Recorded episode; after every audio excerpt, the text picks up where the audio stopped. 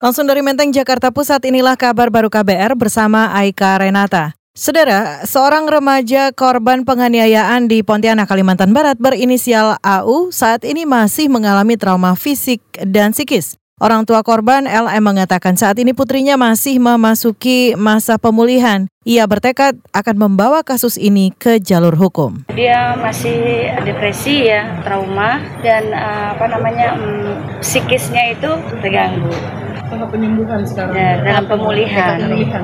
Pada dasarnya saya sangat menyesalkan kejadian ini terjadi kepada anak saya dan saya akan tetap melanjutkan ke proses karena anak saya masih SMP kelas Menurut orang tua korban, keluarga sudah menyerahkan seluruh proses pengusutan kasus penganiayaan itu ke polisi. Keluarga berharap pelaku kekerasan bisa dihukum sesuai aturan. Sebelumnya, saudara seorang remaja SMP asal kota Pontianak mengalami kekerasan dan pelecehan seksual oleh belasan siswi SMA. Informasi awal menyebut AU dianiaya hingga mengalami trauma. Kasus ini menyita perhatian publik. Sebuah petisi di change.org yang menuntut keadilan untuk korban kini ditandatangani lebih dari 2,5 juta orang.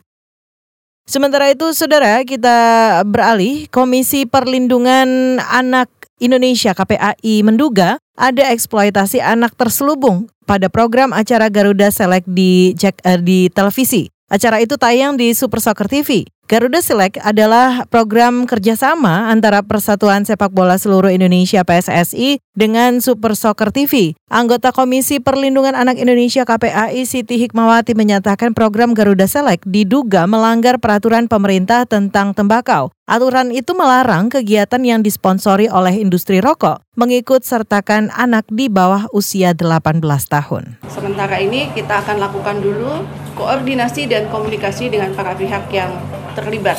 Dalam diskusi tadi kita lihat, kita temukan bahwa memang persepsi perlindungan anak pada stakeholder yang ada, baik itu khususnya PSSI, masih perlu untuk diperkuat. Tapi kita melihat peluang kerjasama untuk lebih mengutamakan penyuaraan perlindungan anak sangat terbuka lebar. Saudara Komisioner KPAI Siti Hikmawati menyatakan KPAI telah berkoordinasi dengan beberapa pihak seperti Kementerian Luar Negeri, Kementerian Pemberdayaan Perempuan dan Anak, WHO, PSSI, dan sejumlah pihak lain mengenai dugaan eksploitasi ini. Program Garuda Select memilih 24 pemain bola usia di bawah 17 tahun untuk berlatih di Inggris selama enam bulan.